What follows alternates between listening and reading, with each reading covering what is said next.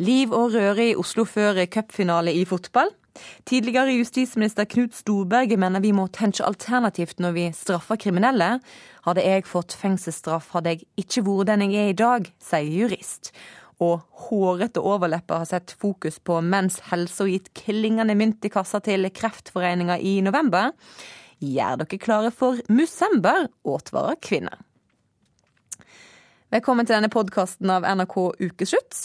Jeg heter Sara Victoria Rygg, og vi starter sendinga med god cupstemning. Det er fotballfest i Oslo. Selv om det er først i morgen det skal avgjøres hvem som er Norges beste herrefotballag, så er moroa allerede godt i gang. Reporter Rune Andreassen, du koser deg sammen med Tromsø IL-fansen. Hvordan er stemninga der? Ja, bare hør på det her. Her koser vi oss med finalen fra 1986, der Tromsø slo eh, Lillestrøm sensasjonelt 4-1. Eh, vi koser oss med finalen fra 1996, der vi slo Bodø-Glimt 2-1. Og nå nå synger vi med på Violet Road sin cupfinalesang før 2012-finalen. 9000-byen. Så er det kjempestemning i Saras telt. Det ryktes om 10 000-12 000 tromsøværinger trofaste TIL-supportere som har reist ikke bare fra Tromsø, men fra hele landsdelen for å oppleve cupfinalen. Noen reiser lenger enn andre. Jeg står i lag med to 13-åringer fra Alta, Morten Nilsen og Emil Abrahamsen. Dere har reist fra Alta til Finland via Danmark til Oslo for å oppleve cupfinalen. Hvorfor en så lang tur for å oppleve en cupfinale? Nei, vi var litt, vi var litt sene med å bestille, med å bestille tur. Så, og det var det letteste vi fikk til, så ja, vi, vi gjør alt for Tromsø. Men det er verdt det? Ja, selvfølgelig det er verdt det. Må gjør alt for Tromsø. Hvordan tror du at det går i morgen på selve cupfinalen? Nei, Vi skal knuse Hødd. Det skal bli 3-0 i hvert fall til Tromsø. Hva er ditt eh, råtips foran eh, morgendagens finale? Hva tipset til Tromsø. Ja, mye vinner Tromsø i morgen? Ja, Selvfølgelig skal de vinne. De skal spille godt. De skal slå de beste innleggene i, i Norge. og De skal jage Hødd ut av cupfinalen. De skal ut derfra. De skal bli knust. Det er ingen det er ingen tvil om at uh, Tromsø kommer til å gå av med seieren i morgen, hvis du spør dem som er her i Saras telt i Spikersuppa. Og også bettingselskapene har trua på Tromsø idrettslag. Du får bare småpenger igjen om du setter penger på Tromsø idrettslag. Heier du på, Setter du pengene på Hødd, så får du pengene åtte ganger tilbake. TIL-fansene kampklare, hører vi, og da tar vi turen til fiendens leir. Rune Hustad, du er sammen med Hødd-fansen. Er stemninga like god der, eller? Den er litt mer avmålt foreløpig, men i går kveld så var stemninga i taket, og de holdt på til langt på natt. Så de holder nok på å bygge seg opp igjen nå, for det skal skje mye utover dagen her på Youngstorget også. Det begynner å strømme til folk som går rundt og rusler her i landsbyen som faktisk er bygd opp. Men eh, her også hit er det valfart på valfart fra Sunnmøre. Det bor eh, godt og vel 6000 i eh, Ulstein og kommunen der Hødde kommer ifra. Omtrent alle har tatt turen til Oslo. Det er ikke folk igjen på Sunnmøre, rapporteres det om. Og en av de er du Georg Aursnes. Eh, hvordan er det å oppleve Hødd i en historisk cupfinale? Ja, det er helt, eh, helt, fantastisk. Eh, fantastisk stemning, utrolig mye blåkledde folk, og dette her, det liker vi. Du har jo sjøl spilt for Hødd. Angrer du på at du har lagt opp? Ja, akkurat nå så kjenner jeg på at å ha opplevd cupfinale, det hadde vært noe som har stått høyt på plakaten. ja. Hva betyr det for Ulsteinvik og Hødd å oppleve dette her? Nei, dette betyr uh, utrolig mye. Det er en fantastisk stemning og en fantastisk oppslutning rundt uh, laget. og Dette her er noe vi kan bygge videre på uh, i framtida, helt sikkert. Tromsø-supporterne som var inne før oss her nå på radioen, er overbevist om at det blir lett match og seier til Tromsø i morgen. Hva, hva, tenker du? Nei, Det tenker jeg at det liker vi. Det er noe vi liker å høre. Vi skal gå ut på banen i morgen, både på banen og på tribunen. Vi skal, vi skal knuse til. Hva blir sluttresultatet i morgen? Jeg vet ikke, men håper det blir uh, Hødd som vinner. Hødd vinner i hvert fall beskjeden herifra. God kamp i morgen, folkens. Og medan Tromsø og Hødd feirer videre og jazzer seg opp til morgendagen, så er det alvor på Åråsen. Der spiller Rød og Stabæk finale i ettermiddag. Erkerivalene møttes, møttes i fjor òg, og da kneip Stabæk sigeren på straffekamp. Karine Olseth, du er snart klar for TV-sending fra Åråsen. Hvordan er ståa mellom disse to topplagene i år? Du, eh, I slutten av sesongen så har de her to lagene eh, vært eh, ganske jevne. Røa fikk en vanvittig dårlig start på, på, sesongen og endte til slutt som nummer fire, mens Stabæk dem tok sølvmedaljen bak Lillestrøms kvinner. Så selv om, selv om Stabæk havna foran i serien, så er det jo ingenting som er avgjort foran denne spennende cupfinalen i dag. Nå hører vi at det er veldig god stemning rundt kampen i morgen. Hvordan er stemninga på Åråsen? Du, Det er litt tidlig ennå. Det, det, er vel uh, ingen tilskuere som har tatt turen hit ennå. Men uh, det er masse produksjonsselskap i aksjon her, og, og Lillestrøm uh, og apparatet rundt gjør en kjempejobb for å få Åråsen fest klar til, til, kampstart klokka fire i dag. Og så håper vi jo at, at det kommer ganske mange tilskuere, selv om det ikke er tradisjon for at denne finalen blir utsolgt. Så så regner det ikke, og det er fint vær, og det er ikke så kaldt, så det er bare å ta på seg et par ekstra par med ullester og komme på kamp, så, eh, så blir det stemning her. Mm. I fjor så sendte en av spillerne smellkyss til keeperen før eh, straffespark. Eh, så en kan vel ikke kalle dette her et hatoppgjør, kanskje?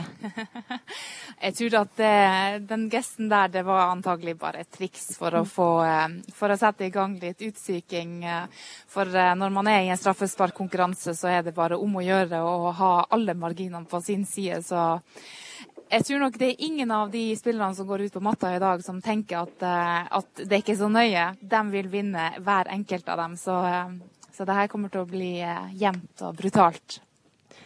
Takk skal du ha, Karine Olseth, og lykke til med sendinga senere i dag. Og når vi likevel er inne i det sportslige hjørnet her i Ukeslutt, så, så tar vi med et noe ja, uvanlig spørsmål som vi fikk fra en lytter litt tidligere i veka. 17 år gamle Erlend Gunstveit han ringte og sa at han har et stort ønske. Han vil så gjerne ha med seg skistjerna Therese Johaug på juleball den 6. desember, og han lurte på om vi kanskje kunne hjelpe han med det. Nå er ikke akkurat Ukeslutt et datingbyrå, men i disse julebord- og juleballtider så tenkte vi at vi i alle fall skulle prøve å hjelpe han. Her er hilsinga som eh, Erlend sendte til Therese Johaug. Therese Johaug, vil du bli med som min date på Danskes juleball 6.12., så blir jeg sinnssykt glad. Eh, jeg håper du har lyst til å bli med, og jeg har lagt merke til at vi har ganske mye til felles. Som jeg liker å gå på ski og spise vafler, og det liker du òg. I tillegg så er jeg singel, og du er singel. Ikke at det har så mye med saken å gjøre, men da blir ingen fornærma hvis du blir med. Så eh, det gleder meg veldig om du har lyst til å bli med. Og lykke til i skisporet framover. Så vil jeg takke alle som har vært med og delt uh, dette budskapet, så du får vite om det. Tusen takk. Vi skal prøve å skaffe deg en date til julebordet, vi, Ellen. Følg med videre i sendinga og hør hva Therese Johaug svarte da vi spurte henne. Du hører en podkast fra NRK P2. Vi må skreddersy straffa for de som har gjort noe ulovlig. Det mener tidligere justisminister Knut Storberget. Denne veka kom boka hans 'Det er dine øyne jeg ser', ei bok om forbrytelse, straff og eh, forsoning. En av de personene Storberget skriver om i boka, det er juristen Fredrik. Fredrik, velkommen til ukeslutt. Takk for det. Du var 15 år da du møtte Knut Storberget for første gang. Da var han din forsvarer. Eh, hva hadde skjedd i livet ditt som gjorde at du trengte en forsvarer? Nei, Da var jeg Det har skjedd veldig mange ting, men jeg var tiltalt for, eh, for å ha skallet ned en politimann og krokspent en annen flere ganger og motsatt meg pågripelse, slagsmål, naskeri og det var mye dumme ting. Men hvorfor gjorde du så mange dumme ting? På slutten av barneskolen så havnet jeg i et litt eldre miljø og havnet, ble veldig opposisjonell. Ehm, og vi ble vel en Vi ble et slags gjengmentalitet som eh, levde mer og mer litt på siden. Og var ganske var ganske utagerende. Mm. Det var en vanskelig periode for deg i livet. Du, du mista mora di. Altså, du syntes skolen var tøff. Hvilken innvirkning hadde det på deg?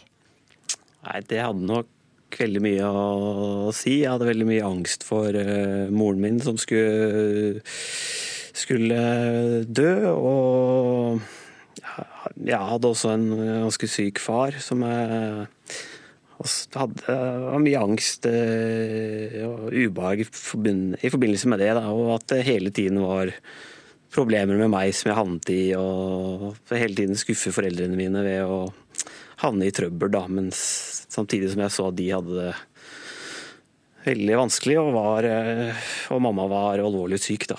Men så var du i eh, havner du i ei bilulykke. Og den endrer på livet ditt. Hva, hva var det som skjedde? Da hadde jeg nettopp fylt 18 og ja, det miljøet jeg var i, var blitt enda mer skal si, hardbarka. Og det var veldig mye rus. Og det her var en alvorlig bilulykke hvor, hvor han ene havnet i koma i, i, i lang tid og ble varig ufør. Og det var veldig, tok det veldig tungt. Og det var oppdaget samtidig at de rundt meg egentlig ikke var så opptatt av meg som person, egentlig. Det var rus det handlet om, og jeg følte at jeg måtte ta et valg i livet. Enten gå i søla sammen med de jeg hang med, eller prøve å komme meg så langt unna som mulig. Og jeg valgte det siste. Knut Storberget er tidligere justisminister og nå stortingsrepresentant for Arbeiderpartiet. Hvordan opplevde du det første møtet med, med Fredrik? Nei, Det var jo en liten pjusk som egentlig kom inn på kontoret. Som hadde gjort alvorlige forhold, som Fredrik beskriver sjøl. Og vi oppdaga veldig raskt at her er det en gutt som sliter voldsomt, men som samtidig har et veldig potensial i seg. med så mye muligheter. For Du skriver at Fredrik har lært meg mer enn all verdens studier, proposisjoner og notater. Hva har han lært deg? For det første så har han lært at uh, førsteinntrykk og håpløshet, det skal man ikke eh, dvele så unødvendig lenge ved. Det er veldig mye håp og muligheter. Og så har han lært meg at når vi står overfor folk som gjør gale ting, påfører andre stor smerte, så må vi behandle det individuelt. Og det å få skreddersydde løsninger og se og tenke og gjøre hva vi kan for å finne andre muligheter. Fredrik, hvordan var det å være så stor inspirasjonskilde for Knut Storberget? Nei, Det er klart det er inspirerende, det. Og det er klart at det er først å fremst er resultatet av egen innsats og, og fri vilje, men uh, også alle de rundt meg. Altså, også resultatet av rettsreglene og forventningene som, som, ligger til grunn for samfunnet vårt. Og hadde jeg blitt fengsla den gang, så hadde jeg ikke sittet her i dag. Det, det, er, helt, det er, jeg helt sikker på. Uh, da hadde jeg mest sannsynlig fortsatt å ruse meg. og ned i gjørma, tror jeg, og gjøre dumme ting, ulovlige ting. Knut Storberget, når du var justisminister, så var et av dine mål å, å, fjerne barn fra samme fengsel som voksne. Men vi har jo fremdeles i dag barn i fengsel. Hva, hva tenker du om det? Det fins jo uh, ungdommer og barn under 18 år, men det er ganske få, heldigvis. Mm. Men likevel så er det jo noen. Ja, det det, og Norge det har en tendens til å sette barn i fengsel. Varetekt særlig. Ja. Ja, vi er nødt for å i noen tilfeller kunne ha en mulighet for de svært alvorlige saker. Norge og regjeringa har fått masse kritikk, bl.a. fra FN, som sier at barn skal ikke i fengsel. Eh, og likevel så er det barn i fengsel. Og du sier vi må, vi må tenke alternativt. Ikke putte barn i fengsel, tenke alternativt.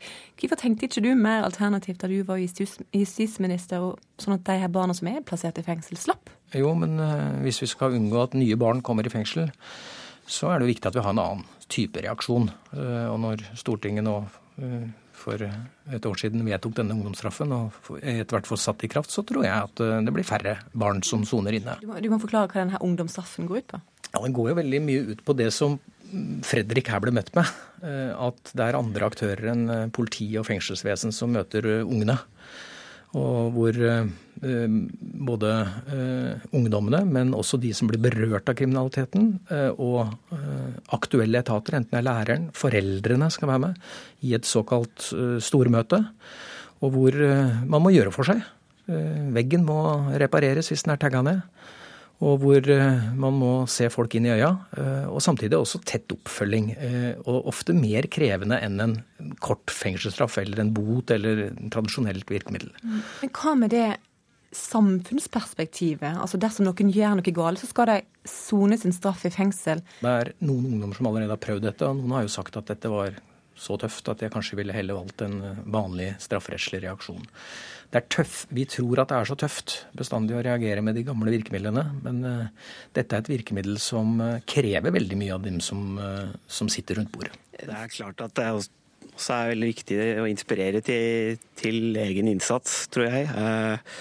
hadde ikke jeg tatt tak og gått i behandling og begynt på skole og virkelig dratt meg sjøl i rett retning, så hadde, hadde jeg helt sikkert fått en fengselsstraff også. Ja, for du plukka deg ordentlig opp, Fredrik, eh, og, og, tok eh, flott utdanning. Mange år etter at du første gang møtte Knut Storberget på, på kontoret hans, så møtte du han igjen i en ambassade. Hvordan eh, var det møtet? Nei, Det var veldig artig. Jeg jobbet da som praktikant på en ambassade. og Knut eh, kom da som eh, nyutnevnt statsråd og eh, var på besøk. Og vi møttes da på kontoret til ambassadøren. Og det, da hadde vi ikke sett hverandre på veldig mange år. Så det vi brøt, brøt vel litt protokoll da, Fredrik, for da sa jeg til ambassadøren at uh, denne praktikanten må få være med på alle møtene vi skal være med på, også kveldens middag. Husker du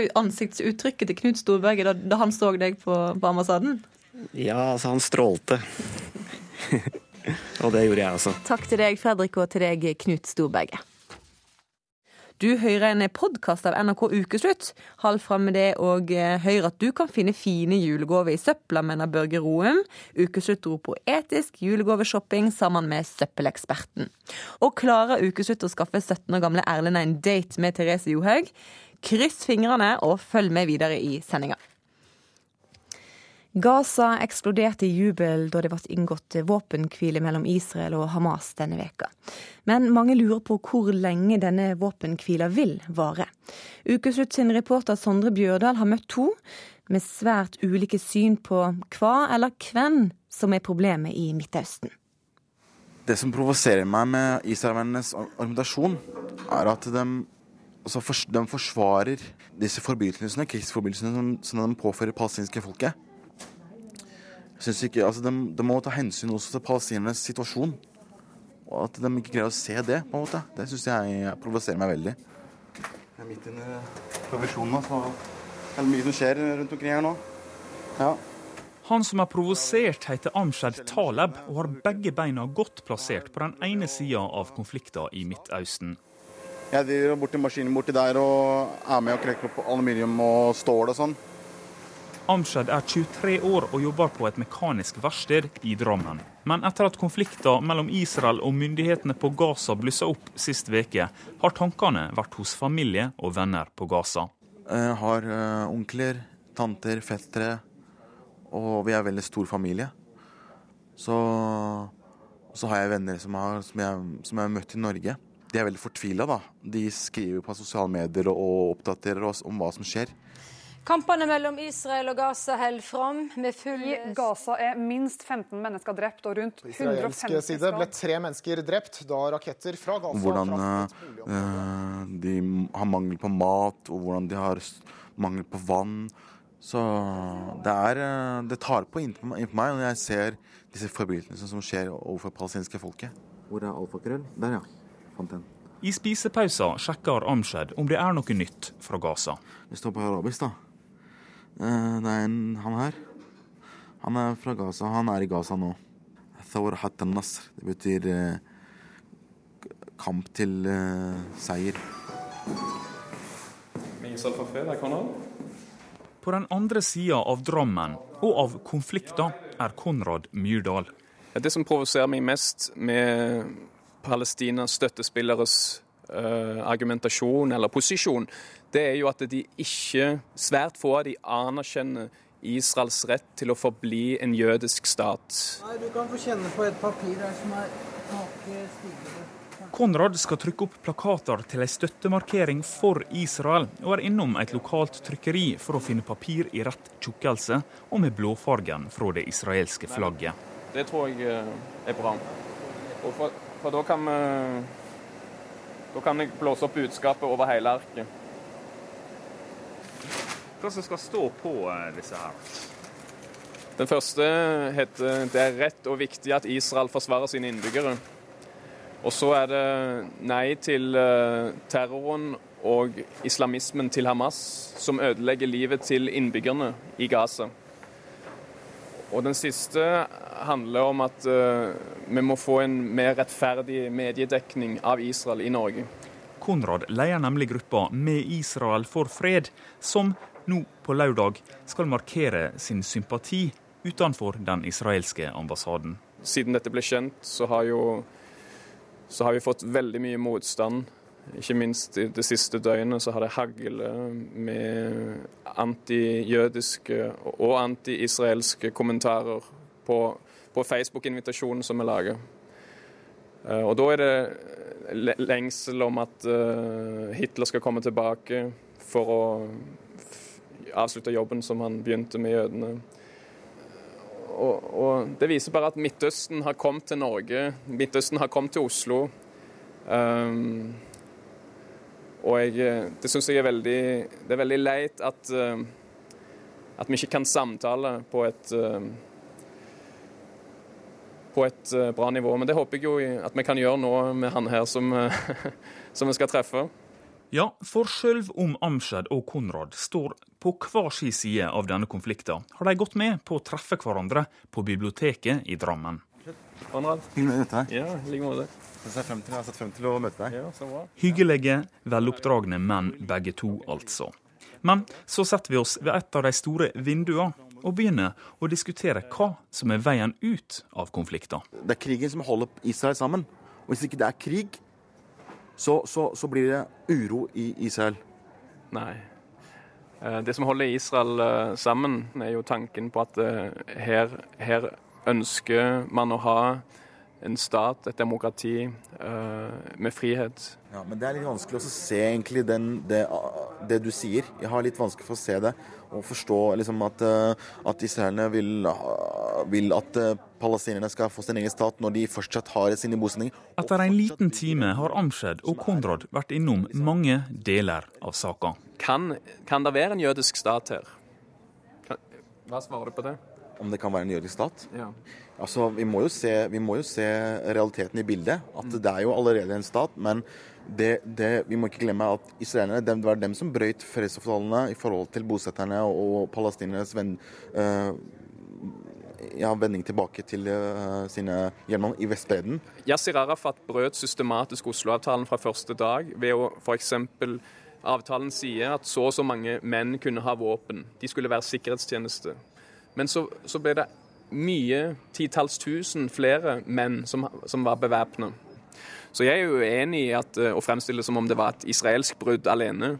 Israel og Hamas har blitt enige om en våpenhvile på Gaza-stripen. På onsdag inngikk Hamas og Israel våpenhvile. The United States welcomes the agreement today for a ceasefire in Gaza. Og selv om Konrad og Amshed ikke ble enige, kunne de skilles som venner. Så vi er jo naboer, kanskje vi treffes igjen her i en gang. ja, ikke sant? Med klem og klapp på skuldra. Hyggelig å treffe deg. Standup-komiker Terje Sporsem, om, om, ikke så lenge så har du premiere på ditt nye show som heter Krig. Der spøker du med alt fra andre verdenskrig til Afghanistan-krigen. Hvorfor tuller du med krig? Jeg tror det er viktig å, eh, å, spøke med det som på en måte eh, man er litt redd for. da. Jeg har jo alltid jeg har sett mye nyheter og hørt og, og hvor forferdelig det er. Og, og vokst opp med besteforeldre som har fortalt historier fra andre verdenskrig og sånn. Og, og, i forrige showet mitt så, hadde, så begynte jeg hadde noen litt sånne vitser om, eh, om andre verdenskrig som funka veldig, veldig bra. Og så syns jeg det var et eller annet med det som var fascinerende å, å, snakke om ting som kanskje ikke er helt sånn eh, vanlig å snakke om i min bransje. da. Så, så, så, jeg fikk en idé til å lage eh, et show med tematik tematikken eh, krig. Så jeg begynte å lese og se dokumentarer. og eh, dro ned til Afghanistan for å på en måte få en research i det. da. Gi meg et eksempel på, på krig og, og, Altså hva er OK å, å spøke med? Nei, eh, altså for, for eksempel i, i Afghanistan så, så snakka jeg litt om den um, det, det, som skjedde når jeg kom dit, var jo at jeg eksempel ble tatt inn i, inn i et um, telt der det er sikkerhetsbrif, og helt naturlig så står det en offiser der og sier OK, husk nå at hvis vi kommer i situasjon der vi får rakettangrep mot leiren, og dere ikke rekker å komme i tilfluktsrom, så husk å legge dere med beina nærmest der raketten lander. Og komme som en sivilist inn i dette her. Sant? Man blir helt sånn det kan, det kan skje et rakettangrep når som helst. ikke Sant? Det, det var en veldig rar, eh, rar greie, som, som jeg spøka litt rundt. Og, og også Nord-Korea. Våre, våre ledere Eller ikke våre ledere, heldigvis. Men sånn som Kim Jong-un, når, når de sendte opp en langdistanserakett første arbeidsdagen hans, så hele verdenssamfunnet var jo helt, helt ellevill, og, og nå blir det krig, liksom. Og så sender de opp denne langdistanseraketten som går bare 1,5 km opp i lufta før den slutter å virke. Sanne ting er det jeg liker å ta tak i. sant? Og, Kommer du til å spøke om Midtøsten-konflikten i, i showet? Jeg spøker om Al Qaida, og jeg spøker om eh, krigen mot terror. Det gjør jeg. Eh, og jeg spøker med profetens Umma og Arfan Bhatti. Eh, og det syns jeg er viktig. Jeg, spøker ikke om, om, krigen i Gaza akkurat nå. det kunne jo vært nærliggende å gjort det. for dette er et show som hele tida forandrer seg, avhengig av, av hva som skjer. Jeg hørte Atle Antonsen gjorde noe på Misjon på P4, der han sammenligna at, at det var lillebroren som driver hele tida skal slåss med storebroren. Altså Lillebroren vet han får grisehjuling, men han klarer ikke å dy seg, liksom. Tror du folk er klare for å le av krig? Ja. Det har, altså I høyeste grad. Nå fikk vi ternekast fem og sånn. Har fått veldig gode kritikker på showet. Og eh, folk ler veldig mye. Og krig er jo som sagt altså, det, det, det, er et svært tema. Det er alltid fra altså, jeg, jeg begynner med norsk eh, Den tida der det var mest krig og elendighet i Norge, i vikingtida. Eh, og, og, går videre oppover. Og eh, du merker folk ler veldig mye, om det er eh, kjøp av Joint Strike Fighters, eller om det er eh, det å være i Afghanistan, så merker du at, at selv om man ikke har vært der, så, så, så ler man godt. Og jeg har snakka med både folk som som levde under andre verdenskrig, som, som har vært og sett showet. Og soldater som har vært i Afghanistan, som ler veldig godt og sier at dette er veldig moro. Og, og det som er gøy, er at også kvinner, som vanligvis sier nei, det er krig og elendighet, jeg, jeg, bryr meg ikke så mye om nyheter. Sånn dama mi er litt sånn. Hun, hun og til og med ler. Takk til deg, standup-komiker Terje Sporse. Jeg lurer på om du vet hva Movember er? Nei. Hva da? Movember? Nei. Det er, har noe med bevegelse å gjøre. Altså, har du tenkt noe hvorfor det er så mange menn da, som går rundt med bart for tida? Nei, de er forfengelige, vel. Jeg tror de er pene med det. Er de det? Ikke alle. Uh, ja, det er sånn novemberbart. Men jeg husker ikke helt hvorfor. Det er vel eh, grå bart for å sette fokus på menns helse, og særlig prostatakreft. da. Nei, altså jeg, jeg støtter Kreftforeningen på de måtene, på veldig mange andre måter, men trynet mitt skal være det det er. Movember, tidligere kjent som november, er måneden der tusenvis av norske menn og hundre tusenvis været over gror bart for å sette fokus på menns helse og prostatakreft. En av dem er Petter Stordalen, hotellkonge og barteentusiast. Fjongbart du har fått deg, Petter Stordalen. Tusen takk. Hvor lang tid brukte du på å gro den? Nei, jeg, Med min litt sånn eh, dårlige skjeggvekst så tar det litt tid. Eh, jeg syns det var passe vellykket i fjor. Langt mer fornøyd i år. Men eh, det er, jeg sier det spiller ikke noen rolle hvordan barten din er, for det er, dette handler jo om menns helse. Det handler om prostatakreft.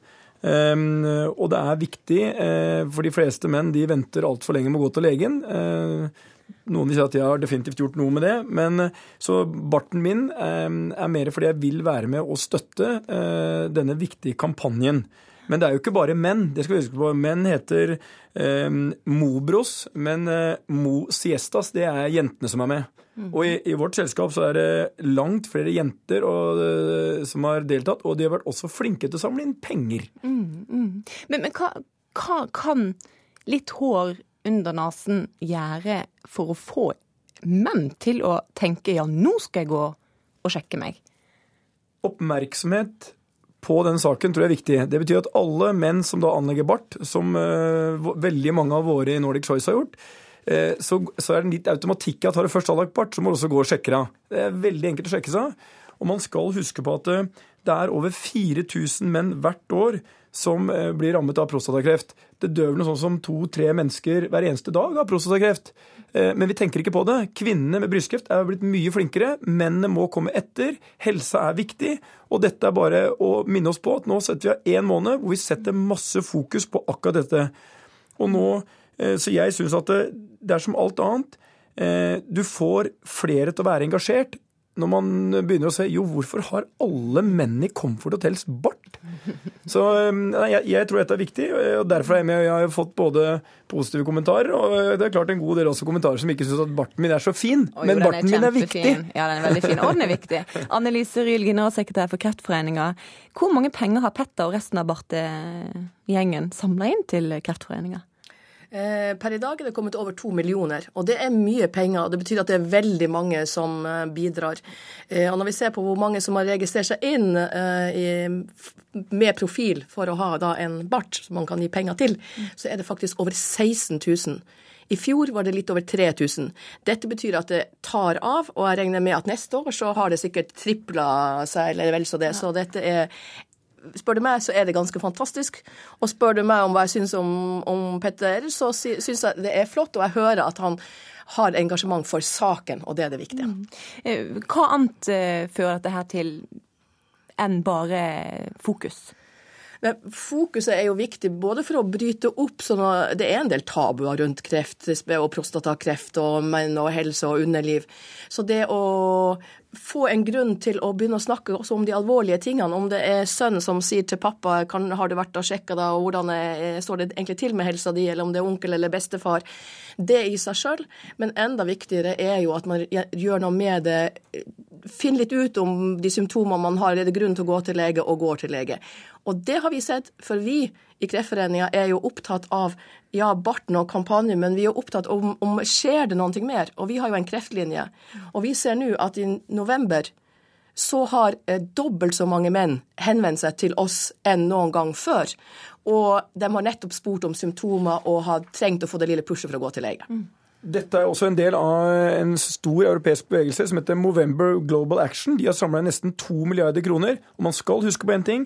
Dette er en kreft som rammer uten at du nødvendigvis trenger å ha symptomer. Derfor er det viktig for alle menn, med eller uten bart, gå og sjekk deg. Barten gjør at vi har satt fokus på prostatakreft denne måneden. her. Nå nærmer måneden seg slutten, men det betyr ikke at det er slutt på kreftfokuset. For nå nærmer det seg nemlig desember, eller musember, som mange gjerne vil at vi skal kalle det nå. Bare hør her.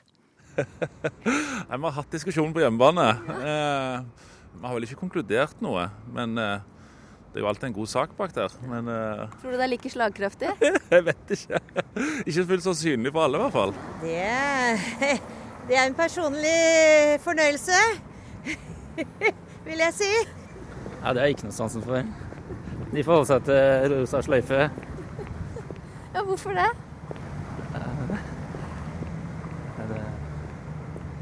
Man vil ikke ha hår i maten, vet du. Simone Neumann, du er en av damene bak Musemba. Musember. Hva er Musember for noe? Jeg må jo le litt av disse fine innslagene som var her nettopp.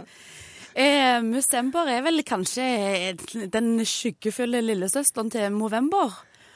Eh, hvor vi setter fokus på livmorhalskreft og prøver å gjøre dette her på en litt eh, privat og finurlig og artig måte. Eh, få omtale rett og slett for å samle inn penger til denne dyrebare kreftforeningen. Mm. Det er sikkert mange damer som har vært litt skeptiske til alle de bartene rundt omkring. Men nå virker det som at det er mange menn som er litt skeptiske til musember. Ja visst er de skeptiske, og det skal de være òg. Vi skal stille skepsis til underlivet vårt. Mm. Annelise Ryl, tror du at eh, musember blir like stort som Movember?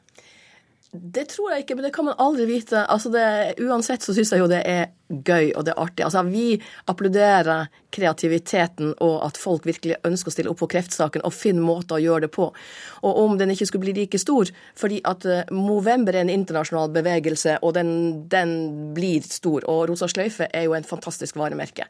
Men det og det finnes mange kreftdiagnoser også, men det å, å, virkelig stille opp for kreftsaken og finne sine varianter, eh, det syns jo vi er flott. Og dette blir en snakkis, det er mange som snakker om det, og da har du allerede oppnådd veldig mye. Mm. Så um, Jeg syns Takk for engasjementet. Eh, og så tar vi i Kreftforeninga og prøver så godt vi kan å jobbe for kreftsaken på masse måter hver dag. Simone Neumann, de har, de har samla inn to millioner, over to millioner i Norge i november. Movember. Hvor mange eh, millioner regner du med å samle inn? Ja, minst det dobbelte. Ikke sant, Petter? Jo, for all del. Jeg er jo veldig positiv til alle tiltak. Eh, vi har fått 30 hoteller hvor alle mennene går eh, rundt med bart. Men som jeg sier, Mos Siestas, jentene, de har vært de flinkeste. Så jeg syns eh, initiativ og engasjement skal belønnes, og da skal vi være positive. Så eh, jeg ønsker dere all mulig lykke til. Ehm, og så får vi bare håpe at eh, dette gjør at både menn sjekker seg, og kvinner i større utstrekning også sjekker seg, selv om kvinner normalt er mye flinkere enn menn. Stort sett er de jo det, men så varierer det òg, for det er lettere å ha oppmerksomheten rundt brystkreft. Det er ikke bestandig kvinner går tidlig nok til lege når det gjelder livmorhalskreft og en del andre, og lungekreft og sånn. Så kreftsaken, at den har fokus, det gjør jo oss glad, fordi alle er opptatt av kreft på en eller annen måte. Lykke til med Musemba, Simone Neumann og Petter Stordalen. Beholder du barten når Movember nå er over? Jeg tror nok jeg lar barten gå, for det er oppmerksomheten som er viktig rundt saken. Eh, og hvis jeg skulle gått rundt med bart hele året, så er det ikke noe endring. Det er det å klinke til i begynnelsen. Men til neste år så skal vi mobilisere ordentlig mange med bart, og vi skal mobilisere ordentlig mange Mosistas og Mobros. Og da er det mange der ute som trenger kanskje et par stylingtips til den lille barten de har samla seg. Og her får dere flotte stylingtips av en herre med stor bart, nemlig presidenten i Den norske musasjklubb, Tore Moan. Altså Hvis du skal ha en bart, så er du ganske ubevisst til det du har under nesen. Skal du anlegge en mustasje, da begynner du å stelle den. Du har anskaffer deg litt remedier, børster, litt eh, kremer, litt eh, mustasjevoks. Og du skal være litt stilig, du skal være litt pynta, du skal være litt eh, Ja, du skal også like å vise deg fram litt. Da. Vi er litt forfengelige, vi, vet du. Vi er jo det. Jeg håper at jeg skal møte en herre med bart og en herre med bart, men ikke de lyse bløte Den må være stri og svart. Det, det, det, varierer jo veldig avhengig av hvor, hvor stor eller hvor, hvor, mye du har under nesen, som avgjør hvor mye, hvor mye du må jobbe med den. Da. Litt vask og litt stell, det går stort sett på en, en kvarters tid, tenker jeg, så er den der den skal være. Tusen takk må jeg be om. En herre med svart og stikkende bart. Og herved får de nå beskjed om å skaffe dem bart en en det nærmer seg juleshoppingbonanza, og handelsstanden har allerede pynta gatene pent til jul. Men det store spørsmålet er hvor vi kan handle slips til far med godt samvittighet i, i år. For de siste ukene har vi hørt om elendige arbeidsforhold for eh, arbeiderne i klesbransjen. Slapp av, ukeslutt hjelper deg. Reporter Linn Beate Gabrielsen dro på etisk shoppingrunde. Vi står i startgropa for julehandelen. Ønskelister skrives, og kjøpesentrene har tent julelysene allerede. Men hva skal man gi med god samvittighet, både for mottakeren og for arbeideren som har lagd gaven et sted langt, langt borte? Hvor er vi nå? Eh, nå er vi på Friends Fair Fairtrade, eh, butikk i Storgata som bare selger Fairtrade-varer. Dette er Børge Roum, som går et godt stykke lenger enn oss andre i å handle etisk. Eh, og det er jo kjempebra fordi da vet at arbeiderne som har eh, både dyrka bomullen f.eks. og sydd det sammen og, og lagd det på forskjellig vis, at de får en, en, lønn de kan leve av, og eh, at arbeidsforholdene er, er bra. da. De her bildene viser sømmersker som kollapser. Det svenske programmet Kalle fakta avslørte for noen uker siden at syerskene til henne som Maurits i Kambodsja og Bangladesh ofte besvimer på jobb og lønna er noen steder nede i tre kroner timen. Ikke engang i Kambodsja kan en familie forsørge seg på så lite penger. Vi har en fantastisk Musoni-avdeling her borte. Jeg syns det er så bra. På kjøpesenteret House of Oslo er det nesten jul allerede. Her møter jeg designer og blogger Lilja Gjerstad Welsch. Blant annet de håndklærne er jo superbra å gi som gave, eh, med tradisjonell Missoni-mønster. Og så er det ganske rimelig pris. Um, eller det er sånn som man kan være flere stykker og spleise på. Så ligger vel på ja, det er vel kanskje under kant av 1000 kroner, da. Så ikke så rimelig, men Hva er den siste gaven du sjøl kjøpte? Eh, den siste gaven jeg kjøpte selv, er faktisk i utlandet. Det var i Paris. Da kjøpte jeg noe fra Kenzo eh, til min kjære mann. så det er veldig hyggelig, for det er jo tror jeg Senest så ble den avbildet på Kanye West eller eh, en av de store hiphoperne. Så det, det blir veldig, veldig stas for han å få den. Og det med å gå på en bruktbutikk, da, f.eks., sånn som vi er her nå, det er veldig bra. Det er veldig billig òg, da. Kroner 20 per bok står det her. Ja, det er mye. Man kan få mye for eh, lite penger. Og LP-plater som vi ser her er også veldig artig for folk som er litt spesielt musikkinteresserte eller sånn. Hvem ville du sett etter en gave her? Nå har jo faren min akkurat skaffa seg en eh, LP-spiller, så kanskje han kunne vært interessert i noen LP-plater eh, til jul. Ja, det er mye, mye morsomt her, altså. Han har hørt mye på Johnny Cash en periode, husker jeg. Men jeg har ikke sett noe av det. Ja. Dette er også lyden av en etisk julegave. Blant bæsjebleier og matrester finnes faktisk julegaver som ikke stinker av dårlig samvittighet. Veldig mye fint som blir kasta. Eh, helt nye eller nesten helt nye ting. Har du gitt gaver til noen som du har funnet i søpla? Jeg har nok det, og da har de vært klar over at det har vært det det var. Men, men jeg har, har uh, tatt det som har vært aller finest, og eh, som uh, på en måte kunne vært solgt til en fin penge. da. Ja, hva kan det være? Hva slags fine ting? Det kan være helt, nesten helt nye merkeklær, eller det kan være parfyme som er uåpna. Altså om jeg hadde fått en gave fra søpla? Ja, det hadde jeg tenkt så hyggelig, da. Men uh, jeg tror ikke noen av vennene mine hadde gitt meg en sånn type gave heller. Så, men, men, herregud, altså har man ikke, så går man og leter. Man burde tenke litt mer over at det kanskje ikke er tingene i seg selv som er, er det aller viktigste. Vi skal jo vise at vi er glad i hverandre, at vi bryr oss om hverandre. Eh, og hvorfor skal det være gjenstander og, og, sånn som skal på en måte være det høyeste måten å vise det på? Da har jeg vel heldig 17 år gamle Erlend Gunsvedt lenge nok på pinebenken, stakkars. Han spurte Ukeslutt om vi kunne skaffe han en date med Therese Johaug.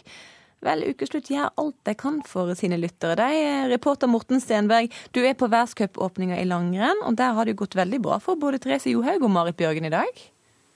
Det har det gjort, for de vant dobbelt. Marit Bjørgen vant med tolv sekunder på Therese Johaug.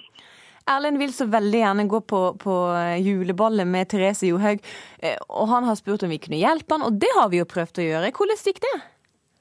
Jo, jeg eh, tok med meg laptopen min og traff eh, Therese Johaug på løperhotellet i går kveld. Og jeg spilte av denne invitasjonen fra Erlend, så vi kan høre litt hva Therese sa. Jeg håper dere lyst til å bli med, og jeg har lagt merke til at vi har ganske mye til felles. Som jeg liker å bruke ski, spise maten og det liker du òg. Så eh, det gleder meg veldig om du har lyst. Invitasjon til et juleball 6.12. Passer det? Nei, dessverre. Da er jeg nok eh, borte på høydeopphold. Blir det mange sånne tilbud?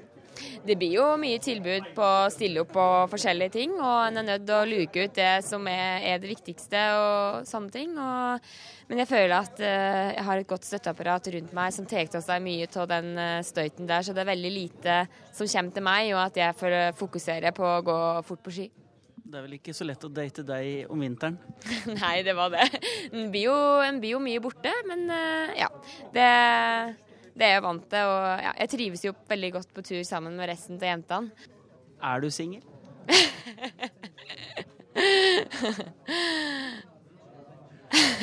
Neste spørsmål. Ja. Det gikk ikke akkurat sånn som Ellen hadde håpet, men det er vel ingen grunn til å gi opp. Hun sa jo ikke nei, eller hva du tror Morten? Nei, jeg syns ikke Erlend må gi opp. Eh, men de som skal date Therese, tror jeg må være litt tålmodige. For nå er hun jo midt inne i vintersesongen. og jeg tror ikke dette er det beste tidspunktet å prøve å date verken Therese eller noen av de andre skijentene. Så kanskje invitere de igjen når det, når det nærmer seg vårball, da? Ja, det tror jeg kanskje er bedre. Å ta en tur til Holmenkollen når sola begynner å stikke fram og jentene begynner å tenke på vår og sommer og sol. fordi de har jo litt ferie og litt fritid. Altså. Men de har over 200 reisedøgn i året, så den som skal bli sammen med ei skijente, han må være tålmodig. Det er bare å være tålmodig, Erlend, eh, og kos deg veldig masse på, på juleballen 6. desember. Du har hørt en podkast av NRK Ukeslutt. Ansvarlig for sendinga var Kari Li. Eli Kyrkjebø styrte teknikken. Skriptet var Oda Holm Gulbrandsen. Og i studio Sara Victoria Rygg.